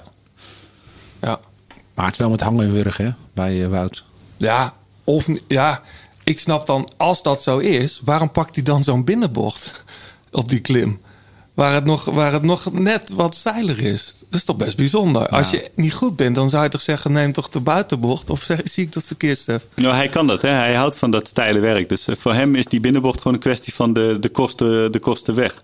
Het zijn meestal die tempo-klimmers die niet eh, goed zijn met dat steile werk. Zo'n Soler, die zag je in hetzelfde beeld ook precies de buitenbocht pakken. Ja. Dus dat is gewoon het verschil in hoe, hoe die mannen klimmen. Wout denkt gewoon zo kort mogelijk. Ja. ja, ja. Er zit ook wel wat in, ja. Maar een licht verzetje, hè, trapt hij. Dus ik weet niet wat hij erop heeft liggen, maar dat, eh, volgens mij is het achter, het grootste tandwiel achter, eh, dat is nog net geen, eh, zou, ik denk een 36 wel of zo. Op hangen en wurgen, kijk als je ziet hoe er gisteren gekoerst wordt... En, en wie er dus inderdaad bovenuit steken... Ehm, kijk, die Carty, dat vond ik op hangen en wurgen zeg Ja. maar, eruit zien. Terwijl Wout is echt aan het verbeteren en zit op een hele normale positie. Ja. En je ziet dat die Carty dus eigenlijk een beetje boven zijn positie staat. En die gaat dat nu een paar dagen proberen te verdedigen. En gaat, steeds gaat hij wat verliezen. En uiteindelijk gaat hij Wout in zijn nek voelen. Ja. Jij hebt muziek meegenomen, Stef. Ja, ik, eh, ja, ik moest er drie nummers meenemen. Ja. En dit is Ten Pies. Ja. Gaan we even luisteren. Ayúdame, olvídate. Solo pido una noche más. Ayúdame, soltarte. Porque solo yo no soy capaz. Aquí quedé tirado, desolado. Pensando en todos mis Een lekker zomers, eh, Stef. Ja, Wat, wat, ik ken het niet zo goed. Wat is het? het is eigenlijk, als ik zo naar je kijk, is, eh, is de, de, de leadzanger van Ten is eigenlijk de Zuid-Amerikaanse versie van jou. Oh, Ja, Oh, zoek hem maar eens op. Ja. Hij, ehm, eh, het is een, ze bestaan trouwens niet meer. Ze zijn eh, ermee gestopt. Oh, joh. Ehm, ik leerde ze kennen in de studio van Radio 1. Waar ze live dit nummer deden tijdens een, een uitzending waar ik ook te gast was. Mhm. Ehm, dat was ook in de zomer. Dat was tijdens de tour. En eh, ik vond dat eigenlijk zo leuk. Toen ben ik wat meer muziek van ze gaan zoeken. En toen ben ik een keertje in, eh, hier in Tivoli in Utrecht... een keertje in Paradiso bij hun afscheidsconcert ben ik geweest. ja. Ehm, ja, ik, ik vond het erg en muziek. este espacio tiene tu nombre, canta tu fuerza, trae tu recuerdo. Hebben ze nou ook een, een Nederlandse connectie? Ja, ze, het zijn, eh, ze spreken gewoon eh, Nederlands. Maar ze hebben alle, of eh, in ieder geval een aantal spreken Nederlands volgens mij. En ze hebben allemaal een connectie met Zuid-Amerika. Ze maken muziek met een af en toe politieke boodschap. Van allerlei misstanden waar ze vandaan komen. Ehm, maar dezelfde voorman die organiseert ook Fiesta Macumba. Oh, echt joh. Oh, wat leuk. Dus, en dat is ook, eh, ja, dat, dat vind ik ook heel leuk. Daar ben ik ook een paar keer geweest nu. Eh, dus ik heb een hele diverse muzieksmaak. Wel, eh, zoals Karsten het dan eh, eh, zou betitelen als erg mainstream. Ja. Erg commercieel. En misschien niet helemaal wat jullie, eh, waar jullie op zitten. Ehm, Nee, Oké, wat goed is, is goed, hè? ja, nou ja, wat goed is, moet voor iedereen eh, ook verschillend kunnen zijn. Ja, nee, mee eens. Mee eens. Maar lekker Terug even naar de Vuelta, jongens. Ehm, die slotweek, hè? We gaan Madrid, denk ik, halen. Ik weet niet of we echt in Madrid zelf zullen komen. Maar het lijkt er wel op dat... Ik begreep van iedereen in het peloton dat de bubbel, eh, de coronabubbel, zeg Beter, maar, hè? veel beter is dan in de Giro. Het is natuurlijk dezelfde organisatie als de Tour. Dus eh, dat, die zullen dat iets beter geregeld hebben, blijkbaar. Tenminste, zo, zoiets hoorde ik Robert Geesink zeggen. Ehm, vind, je het, vind je het logisch dat we naar Madrid gaan, John? Ja, als je natuurlijk naar de wereld om ons heen kijkt, natuurlijk compleet niet. Hè, dat er heel veel dingen worden, worden nou ja, afgelast. Eh, Er mag al bijna niets meer. Eh, eh, Spanje gaat zelfs in een, in een lockdown. Ja. En dan is er gewoon een rondreizend circus. Eh, kijk, ik moet wel eerlijk zeggen dat, dat als je het vergelijkt met voetbal. eh ik kan natuurlijk nooit precies zeggen waar besmettingen vandaan komen. Maar de voetballers die testen om de havenklap eh, bij alle clubs eh, mensen positief. In het wielrennen is het eigenlijk een, een zeldzaamheid als iemand positief test. Nou, zeker. Dus ja, dus en ik vind de goals, het wel goed. De goals zijn ook eh, redelijk leeg. eh, qua publiek. Ja, maar dan nog, weet je, dat, het, het is toch gek. Het voelt toch een beetje, ik bedoel, wij zijn alle drie wielergekken. Dus wij zijn blij dat we elke dag op de bank kunnen liggen. En kijken, maar het is toch een beetje raar. Ja, aan de andere kant denk ik ook als het als er niks, als er niemand negatief wordt getest. En eh, denk ik ook, we hebben in deze tijd, we, hebben ook wel een verzetje nodig af en toe. Of om het maar heel, eh, heel oppervlakkig te stellen. Ik bedoel, ik denk dat sport, dat hebben we al eerder gezegd. En we, we moeten al eh, muziek en festivals, live muziek, theater missen. Dat er dan zo, zo mooi theater als de Vuelta is, momenteel. Denk dat dat toch ook voor de geestelijke gezondheid van mensen best iets betekent hoor. Ja, absoluut. Dus eh, wat dat betreft hoop ik dat we, dat we lekker door kunnen. Ehm, de ritten van, eh, van deze week wordt natuurlijk wat, zijn wat vlakke ritten. En het weekend is natuurlijk vuurwerk. Ja, er zijn eigenlijk nog, eh, ik denk, vier ritten die ertoe doen na gisteren. Dat is dit weekend inderdaad, waar we zaterdag een rit hebben met, eh, met liefst vier calls van de eerste categorie. Ja, in de Picos de Europa. Dat is een mooi gebied is dat daar. Dat hè? is prachtig. Ja. Ehm, en dan zondag de rit naar de Angliru. En dan hebben we de week erop hebben we nog de tijdrit. eh, om, het, eh, om het echte verschil wellicht te maken. Ja. En dan zaterdags nog eh, de La Covatia. Oh ja, die zit er ook nog in, ja, natuurlijk. Dus Ja. er zijn nog vier ritten die ertoe doen. Maar gezien inderdaad de, de onderlinge verhoudingen... belooft dat nog veel spanning. Ja, ik denk het ook wel. Kijk, want Carapaz tegen Roglic in de tijdrit... dan zou je zeggen, ja, normaal gezien is Roglic daar, daar beter. Ehm, aan de andere kant, Roglic is al het hele jaar goed. Dat moet toch een keer iets minder worden, zou je zeggen. Ik zag gisteren eh, de slow-mo van de finish. En Ja. eh, ik denk dat Karsten het ook zei. Hij ziet er verschrikkelijk vermoeid uit. En dat hebben we in de Tour hebben we dat ook een keer gezien. En dat leek toen al een voorbode inderdaad van het niet kunnen volhouden. Van een keer, ehm, van een keer je verlies eh, krijgen. Ja. Eh, dus dat kan in deze Vuelta zeker nog een keer gebeuren. Want inderdaad, hij is overal waar hij is geweest vanaf de hervatting van het seizoen... is hij op zijn top van zijn kunnen geweest. Ongelooflijk, Heeft ja. hij zich echt binnenste buiten gekeerd. Het, het lijkt soms makkelijk te gaan bij hem. Maar het kost echt wel moeite. En je zag gisteren gewoon dat het seizoen erin begint te hakken bij hem. Over vermoeidheid gesproken, wat vind jij ervan dat Tom Dumoulin eh, eruit gestapt is? Ja, ik, eh, dat vind ik eh, op zich eh, begrijpelijk. Eh, waar ik heel veel moeite mee heb, is dat ze bij zijn ploeg ehm, mediatechnisch het zo moeilijk maken voor zichzelf. Dus ze Ja, en hem- voor Tom ook. En ja. voor Tom. En dat vind ik heel onverstandig. eh, dat je die fout maakt voor de Tour om hem aan te kondigen als eh mede-kopman. Eh, dat kan bijna niet anders, gezien ook het verleden van die transfer. Eh, dus dat moet eh, marketingtechnisch ongeveer zo worden ingezet. Dan krijg je het verloop zoals we hebben gezien in de Tour. Dat hij dat dus eigenlijk zelf niet wil. En dan doe je het ik zal, ik zal hem inslikken. Maar dan doe je het nog een keer voor de Vuelta. En dan op dag één al eh, zakt hij door de mand. Terwijl dat voor hemzelf dus helemaal niet zo hoeft te zijn. Nee. En voor zijn ploeg eigenlijk ook niet kan zijn. Want ze hebben al zijn data. Ze weten hoe hij ervoor staat. Ja. Zij wordt gecoacht. Dus ze weten ook van, ondanks dat hij wellicht wel aardige waarden trapt... is hij met zijn kop niet, eh, niet klaar voor een kopmanschap. Dat, als je goed coacht, weet je dat van elkaar. Ja. En dan doe je het nog een keer.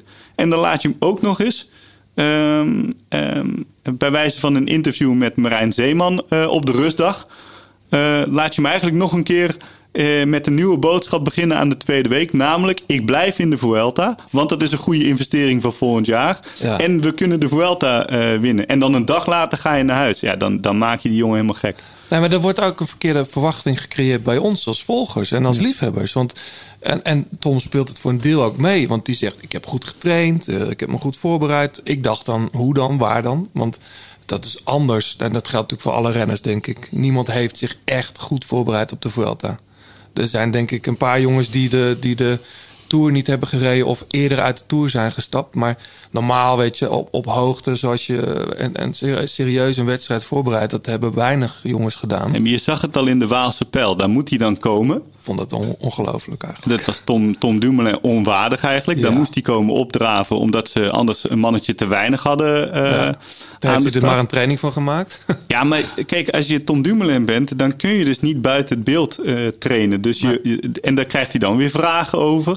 Eh, dus je maakt hem mentaal, volgens mij, maak je hem zwakker. Als hij, als hij mentaal al niks mankeerde. Want hij zegt zelf dat na de Tour van eh, waar jullie het allemaal over hebben, dat bestaat. Nou, prima, dat wil ik je graag eh, geloven. Alleen het lijkt er nu op dat zijn probleem wordt gecreëerd door zijn eigen omgeving. En dat vind ik erg onverstandig. Ja. Maar het feit dat hij nu dan in ieder geval niet meer is gestart, dat is eigenlijk wel slim. Of niet, John? Nou ja, als je net eh, zegt van we gaan deze ronde uitrijden om te investeren. En omdat we hier het rondje kunnen winnen. Dan is het heel gek als je dan de dag eh, daarna. Ja, maar dat zegt de ploeg. Hè? Dat Dus, zegt- ja. dus Ja. ik denk dat hij zelf nu heeft gezegd van nu gaan we stoppen met de gekkigheid. Ik ga naar huis. Eh, Want jullie kunnen dit allemaal roepen, maar het, het zit gewoon anders. En dat is eigenlijk hetzelfde als wat we in de Tour hebben gezien op eh, de Izoar volgens mij. Dat hij zelf zegt van ja, jullie kunnen allemaal wel willen dat ik erbij blijf hangen. Maar ik wil dat niet. En ik, en, eh, eh, ik heb Tom leren kennen als iemand die heel erg opkomt voor wat hij zelf eh, vindt dat goed is. En ik denk dat hij dat nu opnieuw heeft gedoen, gedaan. Het ziet er alleen heel ongelukkig uit tussen hem en de ploeg op dit moment. Ja, terwijl hij juist daarom is weggaan bij Sunweb. Omdat hij bij een ploeg wilde gaan rijden waar ze hem wel begrepen. Ja, nou, daar lijkt het voorlopig niet op. Maar is, is het, heb jij er een verklaring voor dat het dan toch niet loopt bij Tom zoals we hadden gehoopt? Of zijn management? Ja, maar is, is gehoopt, weet je wel, als je top 10 rijdt in, in, de, in, de, in, de, in de Ronde van Frankrijk. Hij wordt nog, eh, wat rijdt hij nog? Die laatste tijdrit rijdt hij hartstikke goed. Eh, dat, dat is toch al een behoorlijke prestatie. Natuurlijk, maar ik denk niet dat Jumbo-Visma hem heeft gehaald als knecht voor Roglic. Nee, maar goed, met, je kunt ook zeggen... eh, dit, zeker in dit rare coronajaar... moet, moet Dumoulin niet pas gewoon top zijn in 2021? Is dat niet een veel realistischere benadering? Ja. Ik denk dat het verwachtingspatroon dat wordt geschapen richting ons, richting de buitenwereld, niet realistisch is. Ja. Ik denk dat Tom heel realistisch staat in, in hoe hij er zelf voor staat. En ik geloof ook echt dat er eh, in zijn omgeving binnen het team mensen zijn die heel realistisch kijken naar eh, wat er mogelijk is. En toch verkopen ze het naar de buitenwereld eh, zo, zodat hij eigenlijk alleen maar kan tegenvallen. En dat snap ik niet zo goed. Want als je het gewoon goed uitlegt en mensen juist de verwachtingen tempert van oké, weet je, Tom is nu op zijn weg terug. En ook wij als ploeg verwachten volgend jaar hem weer in, weer volle glorie te zien. Dan eh, wordt hij ook anders bekeken door het publiek. Je moet juist, denk ik, het publiek sturen eh, in de richting wat realistisch is. Maar als je het zelf tot twee keer toe opklopt als mede-kopman. Het is niet omdat jij eh, ooit die Giro hebt gewonnen... dat je kopman moet worden genoemd in de, in de, in de Tour of in de Vuelta. Ja, weet- ook tweede natuurlijk in de Tour geworden. ja, maar dan nog, het, niet op basis van het verleden moet je mede-kopman worden genoemd. Je moet mede-kopman worden als je daar fysiek en mentaal toe in staat bent. Ja. En hoe, hoe, hoe denk jij, hoe schat je in dat, dat fysieke... eh, Wat is de verhouding tussen fysiek en mentaal? Want dat, dat, dat is nu een beetje de twijfel die je steeds hebt. Kan die het fysiek niet aan? Zijn die waardes niet goed? Of zit er in zijn hoofd... Moet er in zijn hoofd nog iets gebeuren...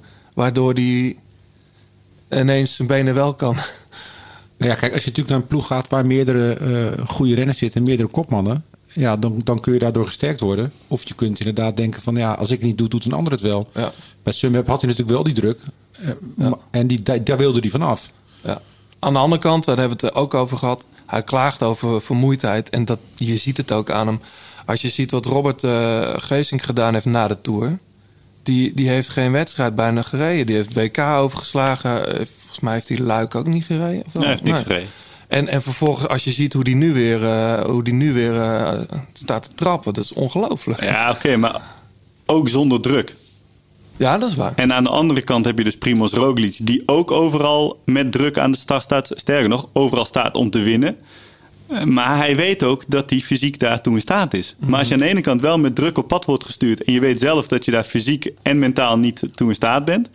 eh, Tom die, die, die kan, eh, dat heeft hij volgens mij ook ergens gezegd... die, die heeft echt ook in het WK of in de tijdrit in de Tour... heeft hij echt zijn beste niveau gehaald.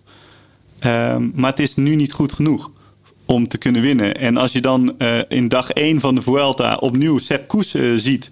die eigenlijk van gekkigheid niet weet wat hij allemaal moet doen... en die lost zijn eigen ploeggenoten. Ja. En dan gaat weer die knop om bij Tom van... ja, maar hoe kan ik nou mee de kopman zijn als Sepp Koes... en George Bennett en Primoz Roglic nog voor mij rijden? ja, dan gaat toch weer... dat kan niet anders dan dat er in je kopje wat gebeurt. Ja. ja. Maar dan is het dus vooral mentaal. Nou, ik, ik, ik denk, eh, ik, ik kan niet bij zijn gegevens van nu. Maar ik denk zeker dat het een combinatie is. En dat, dat, ik vond het dus al niet erg gelukkig dat er bij, eh, op de rustdag werd gezegd... eh, de, de, hij heeft vooral de investering nodig richting 2021 eh, om die Vuelta te rijden. Want volgens mij is het niet alleen fysiek. Hij heeft vooral een investering nodig dat jullie hem beter leren begrijpen. En dat jullie anders met hem omgaan. Aan de andere kant zit er ook een heel groot deel bij hemzelf... Want hij had vorig jaar gewoon de ploeg voor het uitkiezen. En hij heeft ervoor gekozen om bij een ploeg te gaan rijden... waarvan hij kon weten dat met name de afdeling marketing... hem overal zal laten opdraven... omdat hij nou helemaal het uithangbord van die ploeg moet worden. Het is een Nederlander, hij heeft een mooie kop. Hij wordt in het rijtje gezet. Max Verstappen, Sven Kramer en Tom Dumoulin. Dat is het sponsoringsproject van, de, van Jumbo. Dus dat had hij ook kunnen weten. En ja, daar heeft hij voor gekozen. Daar krijgt hij naar betaald. En dan eh, is het heel lastig om die twee dingen eh, met elkaar eh, eh, goed te laten lopen. Ja. ja. Hey, ehm, even los van Dumoulin, de Vuelta, Roglic en Carapaz. Dat zijn toch eigenlijk de, de, de gedoodverfde favorieten. Is er nog iemand die daartussen kan komen, denk je? Nee. Nee, hè? Ja, ik vind Kaartje toch best een goed rijden hoor. Jij, jij hebt het gevoel dat, dat hij een beetje aan het aanklampen is, maar hij durft ook aan te vallen. Maar hij verliest toch best wel wat op die laatste klimmen. Dan moeten straks de, de Angliru en de Frapona nog komen. Ja.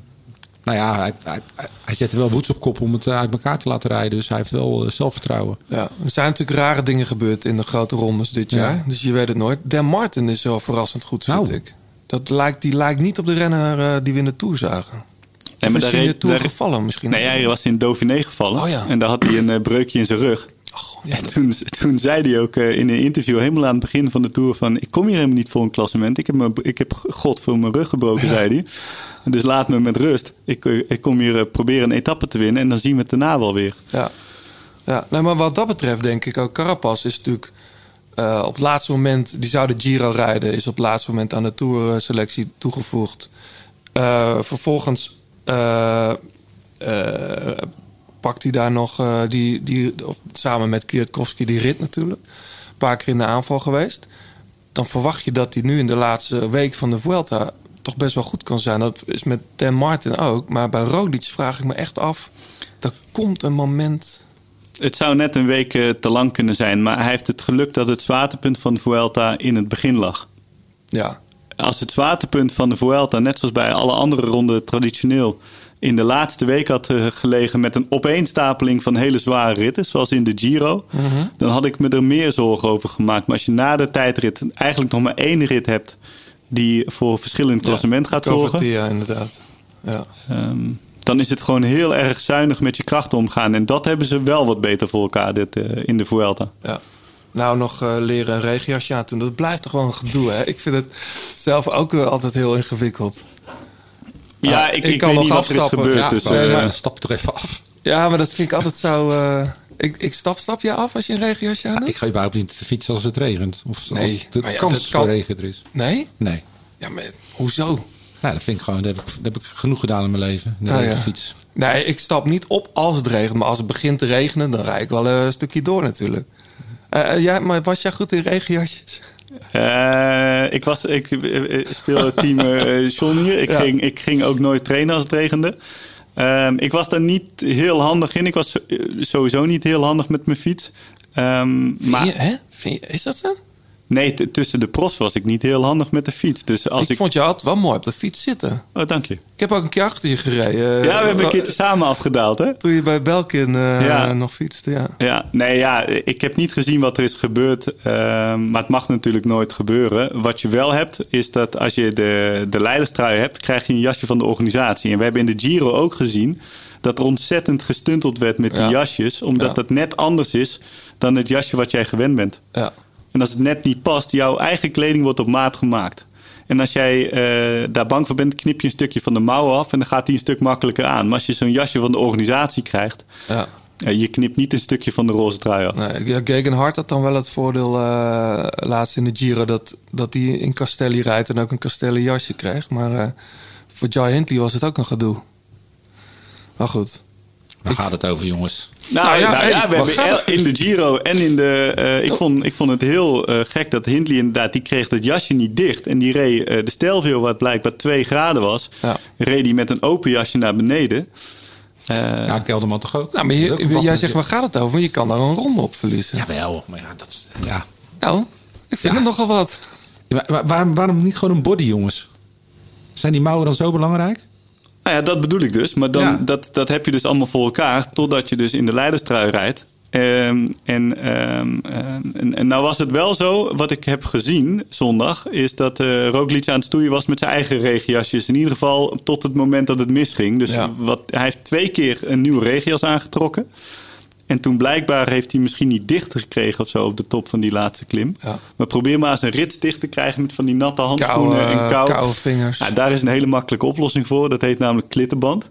Eh, die hadden we vroeger hadden we die ook altijd. Ja, en dan duw je hem gewoon dicht. Dan hoef je voor de rest niks te kunnen. Ja, maar, ja, dat maar- waren hele andere jasjes. Dat waren van Nee, die waren dezelfde, par- nee, waren dezelfde jasjes. Die en zaten hadden, allemaal van die, van die parachutejassen waren dat. nee, maar we hadden één versie met klittenband Ja? en eentje met een rits. Ja, maar als je alleen al zonder mouwen hebt, dat scheelt al heel veel. Want die mouw is het moeilijkst min te komen. Ja, dat is waar. Gewoon alleen je body eventjes... Maar daar hadden we het over dus. Ja.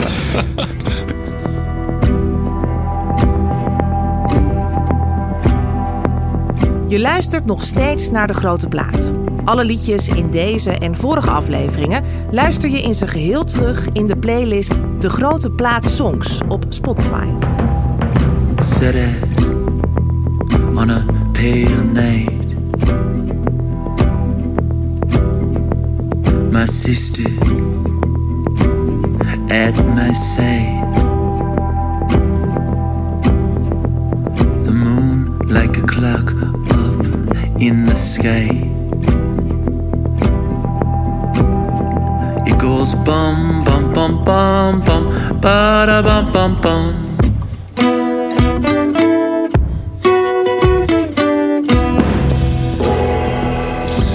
Ja, John, dit is eh, Kevin Morby. heeft een nieuwe plaat uit. Vorige week kwam die uit. Als eh, vrienden je gaan appen, heb je de nieuwe Kevin Morby al gehoord? Of, eh, dan weet je, en eh, je krijgt het uit drie, vier verschillende bronnen, dan weet je dat er iets goeds aan de hand is. En tegen iedereen kon ik zeggen ja, want die heb ik helemaal al grijs gedraaid. Af en toe heb je weer van die platen waar je echt helemaal even in kan verzuipen. En dit is er zo een, Sundowner van Kevin Morby. Ja, die jongen is natuurlijk al een tijdje bezig. Ehm, eigenlijk vrij sober altijd qua opzet. Je moet het vooral van, van puur de compositie hebben en zijn stem.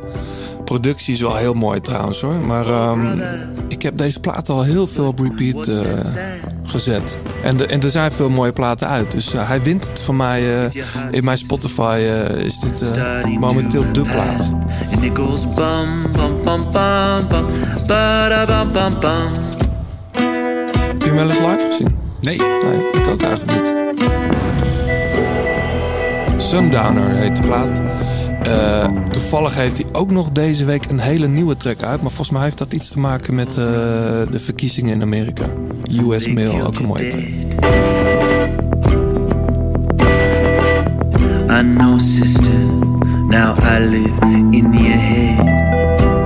De Grote Plaat, laatste kilometer. Goed, we zit- zitten in de laatste kilometer, Stef. En in de laatste kilometer dan eh, gaan we altijd voorspellingen doen. John is helemaal, eh, sinds hij de podcast doet, eh, helemaal into lijstjes en voorspellingen. Nee, dat is gelul. Wij doen altijd van die poeltjes. Ik Doe jij wel eens poeltjes op de NOS? Of met andere Nee. vrienden? Nee, Nee. Nooit, nooit gedaan ook? Nee, Geen voorspellingen? Nee ik, ik word wel eens gedwongen tot. En dat zit er nu ook aan te komen, denk ik. Dat zit er nu inderdaad aan te komen. Eh, en dan vind ik, kijk, het is nu, we hebben het net over Carapaz en over, eh, over Rogla gehad natuurlijk. Eh, tussen die twee zal het wel gaan. Maar wat ik, ik, ik leuk zou vinden, ehm, en dan vraag ik ook de luisteraars, wie wint er op de Angliru zondag? Eh John, jij mag, jij mag beginnen. Ja, dan denk ik toch Carapas. Carapaz? En heb je daar nog een, een motivatie bij? Of Gewoon eerste ingeving. gut feeling? Dat is altijd de beste. hè? Ja? Ja. Stef? Vlaashoff. Ah, Vlaashoff van, eh, van Astana. Ja. Is nog gestart in de Giro. ongelooflijk. Die ging met maagklachten naar huis. Ja, die, ging, eh, die zou de Giro eh, ook klassement rijden. Ja. Eh, en Lopez, die, die eh, ging al voor hem naar huis door een valpartij. En hij stond op dag twee inderdaad met maagklachten langs de kant. Ja. Is ook weer gestart in de Vuelta. Dat het überhaupt mag. Dat mocht toch niet dat je... ja, volgens mij als je geldige reden hebt wel hoor. Je moet toestemming vragen inderdaad. Ah. Ehm, aan de organisatie van de wedstrijd waar je bent uitgestapt volgens mij. Maar goed, eh Vlaashoff zagen we gisteren ook weer in één keer. Was hij er? Ja, mooie renner wel. Een mooie renner. Hebben we echt leren kennen dit seizoen. Eh, heel goede eh Lombardije ook gereden. Ik kan dus een hele steile klim op. Dat hebben we toen op die eh, Muro di Romano ook gezien. Ja. En staat niet echt gevaarlijk in het klassement. Eh, dus die, eh, Helaas, want ik had hem dus mee in mijn poeltje. Als een van de. Ik dacht, die kan nog wel eens verrassen voor het eindklassement. Maar Nou, hij, hij is voor mij nog wel een man die nog richting, eh, die eigenlijk richting die top 5 zou kunnen rijden. Mhm. Dus of, of daar gaat er ook nog wel eentje tussenuit vallen. ja, Ehm, misschien. Ja, die staat er al. Die staat al staat- zeg maar in het rijtje bij Pools. Precies. Dus Mas, Carty, Dan Martin en dan de grote twee. Ja. Eh, Zo'n Vlaashoff kan wat mij betreft, als hij zo doorzet, nog wel eens richting dat podium. En ik denk dat hij op de Angliru een, een slagje kan slaan. Ja. Dan zeg ik eh, Wout Poels. Hij is nu twee keer tweede geweest. Dat is wel eens goed. Ja, eigenlijk die, die Kobo. Volgens mij is Kobo toen uit de uitslag geschrapt uiteindelijk. Dus, maar goed, dat is mooi natuurlijk als je met je handen omhoog eh, de Angliru, eh, op de Ang- Angliru kan finishen. Wat, wat staat je eigenlijk bij aan die berg, Stef? Goh, ontzettend slecht weer. De laatste keer dat we er waren was het ontzettend slecht weer. Ehm, En toen, eh, nou ja, goed, dus, dus, dus Alberto Contador staat mij bij. En dat we met de auto, eh, met echt met de billen bij elkaar naar beneden zijn gemoeten. Terwijl al die mensen, het was heel druk, Ja. eh, die moesten daar ook over dat modderpad, want dat was er van over. Die moesten ook naar beneden. Dus het was eigenlijk een hele spannende onderneming. Dat was die 2017, Ja. ja, ja die keer. Ja, ja ik, vind het, ik vind het toch wel mooi dat hij er weer in zit. Eh, maar laat, kijk, als Wout Poels nou gewoon de kortste weg neemt, weet je, steeds die, eh, ja, volgens mij wint hij hem. Ik gun het hem ook. Hij heeft, het zou toch mooi zijn als, als Poels nog één keer dit jaar, eh, toch? Ja, Ik vind het mooi. ik ook. Goed, dan gaan we daarmee besluiten. Eigenlijk had vandaag het Tour de France parcours bekendgemaakt.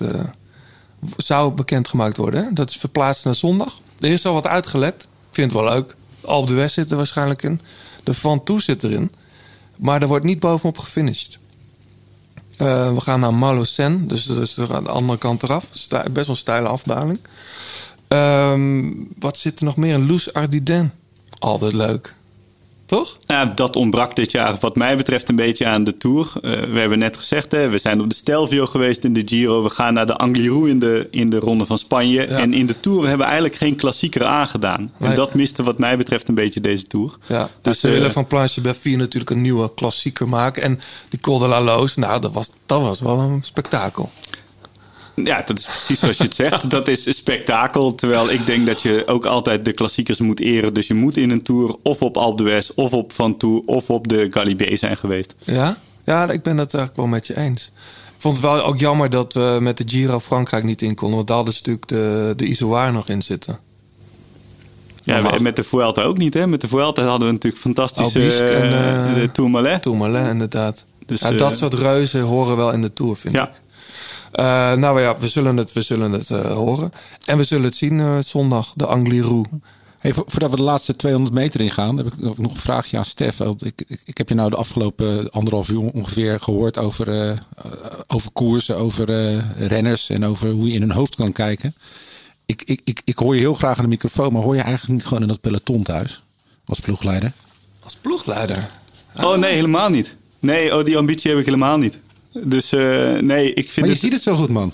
Eh, nou, dank je.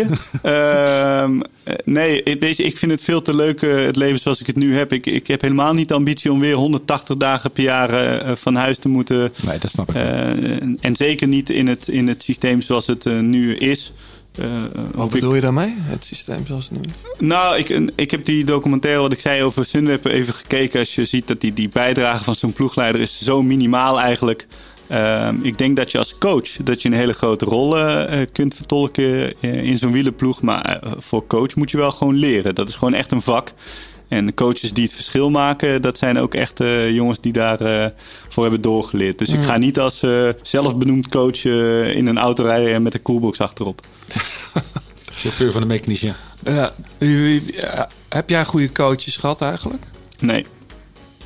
Nee, dat ben, ben je wel heel, heel snel en heel duidelijk in, ja. Ja, maar die, die evaluatie heb ik ook wel gemaakt. Ik heb geen goede coaches gehad in het wielrennen. Nee. Is dat omdat dat nog een soort van half oud wielrennen was waar jij in zat? Ja, ook. En, en waarschijnlijk ook omdat ik natuurlijk eh, een, een enigszins beperkte renner was. Eh, dus eh, niet alle aandacht gaat, gaat naar alle renners. Hè. Bij, bij ploegen als Jumbo-Visma en Sky, de meest moderne ploegen van wielerpeloton Sunweb, bedoelen ze het allemaal goed. Maar eh, is er maar één coach voor 27 renners. Dat kan je zelf ook wel invullen. Dat dan niet eh, alle renners evenveel aandacht krijgen. Eh, om dat persoonlijk ontwikkelingsplan zoals het eh, wordt voorgesteld ook eh, daadwerkelijk te laten gebeuren. Dus er moeten op, op één wielerploeg moet- moeten er eigenlijk vijf gediplomeerde coaches minimaal zitten. Joop Albeda die wilde die, die, die beweging in gang zetten tien jaar geleden al bij Cervelo. Toen werd Ja. hij uitgelachen. Maar ik denk dat hij volmondig gelijk had. Ja. hey, ehm, wat, wat, ga jij, wat ga jij doen als de veld klaar is? Wat, Het komt een kleintje eh, eh, komt, er in, eh, komt eraan. dus dat klopt precies zo met het einde van het wielerseizoen. is weer fantastisch getimed, jongens. Nee, ja, nee, er komt een. ik, ik krijg een zoontje een deze dagen. Ehm, dus ik ga de handen vol hebben. Ik eh, bouw met Rick Flens, mijn oude maat van bij Raadbank. eh, bouwen we aan een, eh, aan een eh, concept. Een, een festivalconcept eigenlijk. Een je nou? fietsfestivalconcept. Hey, met muziek ook. Ja, graag. Leuk. Graag. Dus wij, wij pikken het fietsdeel en het eh, food and beverage deel op. Maar we, we, we proberen ook een schil op te bouwen aan, eh, aan eh, kleine andere partijen die zich aan ons concept willen binden. Dus eh, ik Wanneer moet dat plaats gaan vol- volgend Nou jaar? ja, hopelijk mogen Ja. we volgend jaar in ieder geval weer kleinschalig naar buiten. Precies. Eh, dus, maar we zijn nu ook gewoon simpelweg. Hebben, we hebben deze week hebben we een platte kar gekocht waarop een pannenkoekenparadijs eh, moet ontstaan. Dus Klinkt goed. ja, er zit Klinkt van goed. alles in de stijgers. Leuk man. En, en dan volgend jaar zit jij weer achter de microfoon bij de NOS. Daar ga ik wel vanuit. Ja, leuk. Leuk. Te gek dat je er was. Het was leuk. Ja, man. Ehm, we gaan nog even wat mensen eh, bedanken. Fleur Wallenburg voor het uitlenen van haar prachtige stem. 36 voor de fietskleding. Maken ze eigenlijk regenjasjes? Vast wel. te checken. Eh, die kun je dus hier winnen. Eh Pankra voor het logo van de grote plaat. Jullie bedankt voor het luisteren. En we zijn er snel weer. Dat zal dan voor Madrid zijn of misschien daarna. Moeten we nog even kijken. Maar ehm, tot snel in ieder geval.